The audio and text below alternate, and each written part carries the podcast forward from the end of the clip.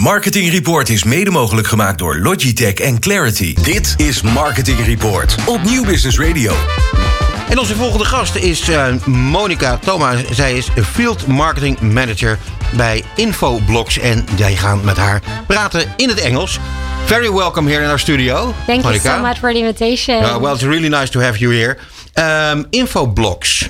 Um, uh, uh, could you please tell us something about uh, what kind of business are you in? Sure. So um, we're basically a um, leader in uh, security, and we take care of providing um, and or securing uh, companies, securing their data and network. So in short, we work with global organizations like Apple, um, Rabobank, Deloitte, for example, to make sure that their users are safe when working on premises, like in the office or from home, because we all work from home nowadays, right? Yeah, sure. That's something we're going to talk about later on.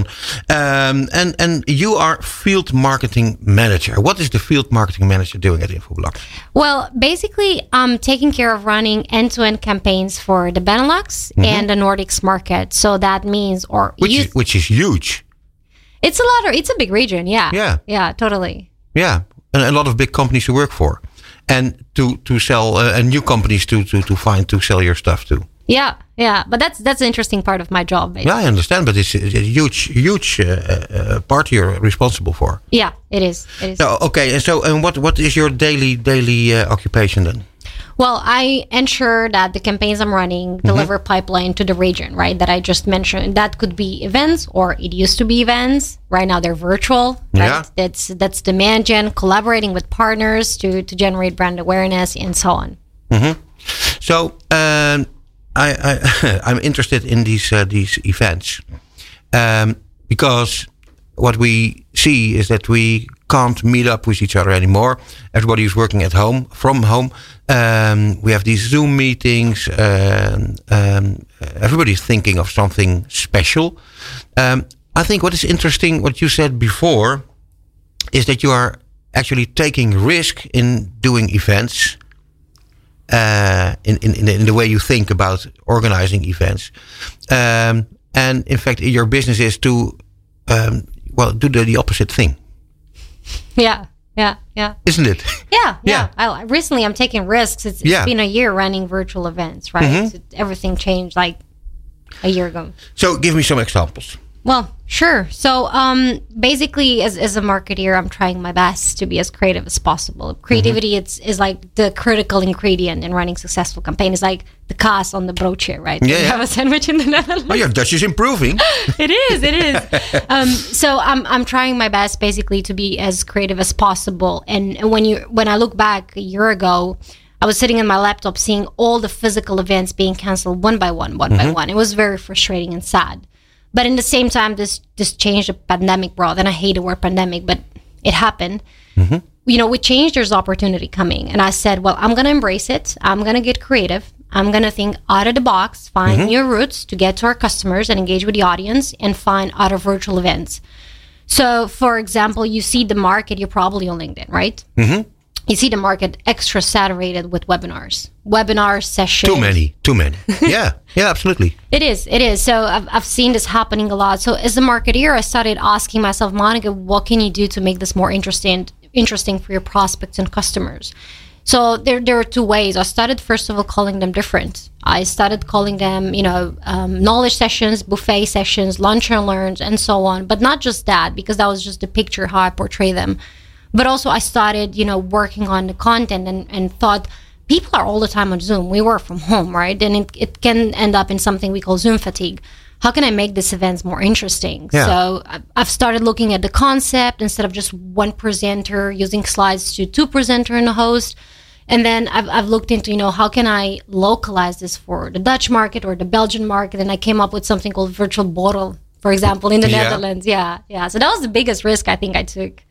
So, uh, how, how uh, did you actually organize that virtual borrel? Right. So um, basically, I've worked very closely with a brewery, which is in Leiden, Pronck Brewery, and a Yeah, yeah. studio. Yeah. Um, we've um, set a date every Friday, almost so one Friday per month, more or less. Mm-hmm. And um, basically, whoever registered, if you registered, you put in your details, you get a small box of beers, and on Friday at home? at home, at your home address, Perfect. Yeah. And uh, at 4 p.m. on the Friday, you would join a virtual borrel with beer tasting from this Pronck Brewery, right? And and the, the whole event was, you know, it was a combination of, of both Infoblox and, and beer tasting, but it was not in a way that, hey, thanks for joining this beer tasting. Now you need to listen to our product and our story, right? And need to buy. No, it was very interactive. People enjoyed the beer tasting while listening to stuff about, you know, our, our security and how they can stay safe while working from home. And that was really, I don't have kids, but that was my baby. Yeah, yeah, yeah, yeah. The loveliest campaign I've ever done. And I've done like around four of them so far. How many? Four of them. Okay, and how many uh, people attending? Well, there's always an average 30 to 40. Okay, quite a lot. Yeah, yeah. Quite successful. Yeah. Yeah. And this is with customers or uh, uh, uh, clients or also prospects? Both. Oh, really? Both, yeah. Oh, we we okay. try to make it um, useful for our prospects, of course, because we want them to hear from us in an informal and a fun way on a Friday. Yeah. So it's it's a mix. So, um, if we look at the, the pandemic, um, uh, does it bring extra opportunities to Infoblox to uh, to do business? Um, is it is it a positive thing, in fact, or not? It is. It is. Yeah. And I can, uh, for example, talk about myself. It brought a lot of opportunities. Definitely. Hmm. Yeah. Yeah. So, so uh, in, what way? Well, first of all, because it took me out of my comfort zone, right? I started thinking Mm-hmm. Sure. out of the box Yeah. and, and looking for all these new ways. I thought, oh, I, I know what I'm doing, and then you know, out of nowhere, I was like, oh, I need to rethink everything, and that's that's for me, it's it's a good change, it's a good Yeah. opportunity. So, um, uh, uh, let's say the the, the borrels you did uh, is is only one part of um, rethinking your your marketing, uh, uh, the marketing you have to do. So, what did you do? Uh, uh, uh, on other things, like like uh, uh, you talked about cross-functional collaboration. Yeah. Yeah, could you So- say something more about that? Yeah, well, definitely. So, you know, when I think of again, I'm going to say the word pandemic. I realized, well, I'm not alone in this. It's mm-hmm. not just me marketing. There's a team of a really good organization of business development representatives, right? Mm-hmm. That they're hunting business and and sales reps, and there's channel, you know, in this B2B business. So I turned to them and I asked them, guys, what do you think is working in your region? What mm-hmm. what is what is it working for the Swedish market? What is it working for the Danish, for the Dutch market? And I started asking them, you talk every day with your customer, you pick up the phone, like, what do you ask them? What do you think it works? And then it, this is such a great input, such a valuable source of information that I actually inserted it in all the campaigns. Okay. And then, you know, I, I said channel, but there, there's also the um, something we call PR and engaging with PR, our PR agency Clarity, to make Yeah. sure that our message is spread across Dutch media or Benelux media in general. That that's also very important to generate brand awareness. Yeah, I understand. Interesting. So, um, uh, if we look at the period we are in right now, um, uh, change was needed. You know, It was. uh, change was already there, but we needed to change uh, with uh, the whole situation. So, what do you see in the future? Oh, I think next year is going to be even more interesting because we still don't know if we're going to go back to physical events. We're still going to have to innovate and we have Sure. to, to really rethink our own creativity as marketers. So, what's uh, what's up next? Um, uh, uh, other marketing uh, propositions you had for for let's say getting new clients, because uh, there are so many things you have been doing. Uh, uh, we talked about it a little bit before. So, could you tell us um, uh, more about that, please? What's next? Yeah. Well, what's next, and it's it's another really cool thing I've, I've started doing since this is to to talk to our customers based and prospects based on their challenges and their pain points. Right, right now you see B two B or even B two C companies addressing customers on a generic level. Right, hey, um, you have this problem. This is how we can solve. Well, how about if you're a bank or a supermarket and I come to you and we ask you, you're a supermarket, you have all these terminals for payments. Yeah. How can we help you? We, would you react with generic content or a personalized content for you as an IT manager, let's say, for a super working for a supermarket chain? Mm-hmm. So I'm, I'm really focusing a lot on this, what we call in, in B2B marketing vertical campaigns to make sure that my events are focused on a, a particular vertical audience like overheid, Dutch overheid, um, retail, banks, healthcare, and so on. I think that that's really important to also shift our direction into, into more specific messaging and, and vertical campaigns. So, um, uh, software as a service we are talking about. Well, that's in fact your your job, right? uh, to sell that. Um, I'm wondering, um, uh, you do have competitors, of course, Yeah. in in the business. So, what is the big difference of what you are offering uh, and what they are offering? Well, there's a lot um, I could think of right now. Um, I could start with very engaged local um, support, local technical support um, with Infoblox. Um, you know, most of the times, if you look at our at our competitors, you don't need to go to us support because the product is working quite well. I would say. Yeah. I'm gonna be modest, but if you do need support, it's very quickly taken care of. For example, this is just an example that came to my mind. Yeah. So, um, could you also say that because in in, in your uh, uh, field of work, I think uh, creativity is normally not uh, the most important thing, right? But in your case, it is. It is. I, I still think it is. It's you need to be creative and and also in a way analytical as a marketeer. It's, it's a combination of both. You need to master both of them. So, uh, uh, data. You al- al- already said that you uh, come up with uh, all kinds of information from the different countries you're working for, right? Yep. Um, so, do you uh, um, gain all your data yourself, or do you buy data as well?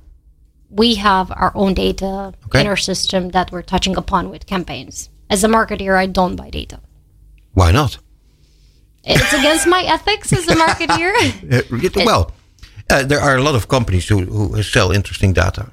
I'm very much aware. I, I just prefer to do targeted campaigns instead of buying those data. Let's say. Okay, okay, okay. So, with how many people are you working uh, uh, uh, within uh, uh, Infoblox? If we're a lot of us in, in the Amsterdam office where I work, it's the EMEA headquarters, and it's about 20, 25 people. But Okay. we're growing a lot. Yeah. So, um, uh, and um, uh, another thing is that's why I was looking at your website, um, it looks all very uh, fresh and positive. Is that what is that is that something uh, what you did on purpose? Um, because yeah, it's not my, my I don't know so much about it to be honest. Okay. So, um, uh, is that something which which really works for you? Uh, is it something new? The image of the website or the messaging we're sending, you mean? In fact, the messaging message you are sending with uh, with this kind of yeah, well, freshness, because it, it's it's um, for me it feels uh, good, but it's uh, not exactly what I would think of if I look at your services. Really? You understand? Okay. Are you expecting more like images with dark hackers in the back? You know, like no lights. I or- don't know what I expected to be honest, but but uh, maybe more more business like or so. Okay. Well, I was surprised. Okay, I guess it's it's really upon each company to, to build their messaging. We're positive, as you said. We're we're fresh. We're a really motivated team, and we try to you know express that through our website. Yeah. So um, um, you are doing events, advertising, uh, online advertising, also uh, uh, uh, uh, other advertising, maybe. We're mostly working with our PR. There's a different team team looking after ads and so on. Oh, okay, okay.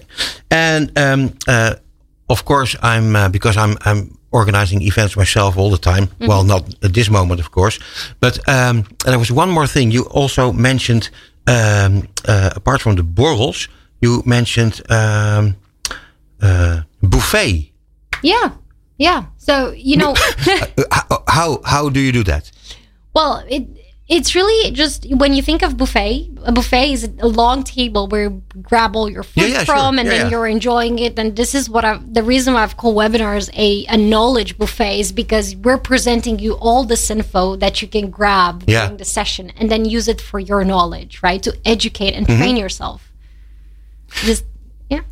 So what's happened? uh, uh, Just I'm just uh, uh, trying to figure out uh, uh, how it looks like.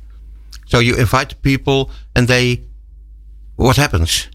Well, they basically join a session, right? Yeah. Where we we put up a topic. Well, of course, depends on the month, depends on what's hot in the market in that moment, and they join a session to educate themselves. Like, remember when the pandemic started and every every hospital was hacked, for example. This is just an example, right? Mm-hmm. Every month has a different topic, and people are invited to join and and tune into it and listen to it to educate themselves. How can I stay away from this Yeah. particular danger or or challenge, etc.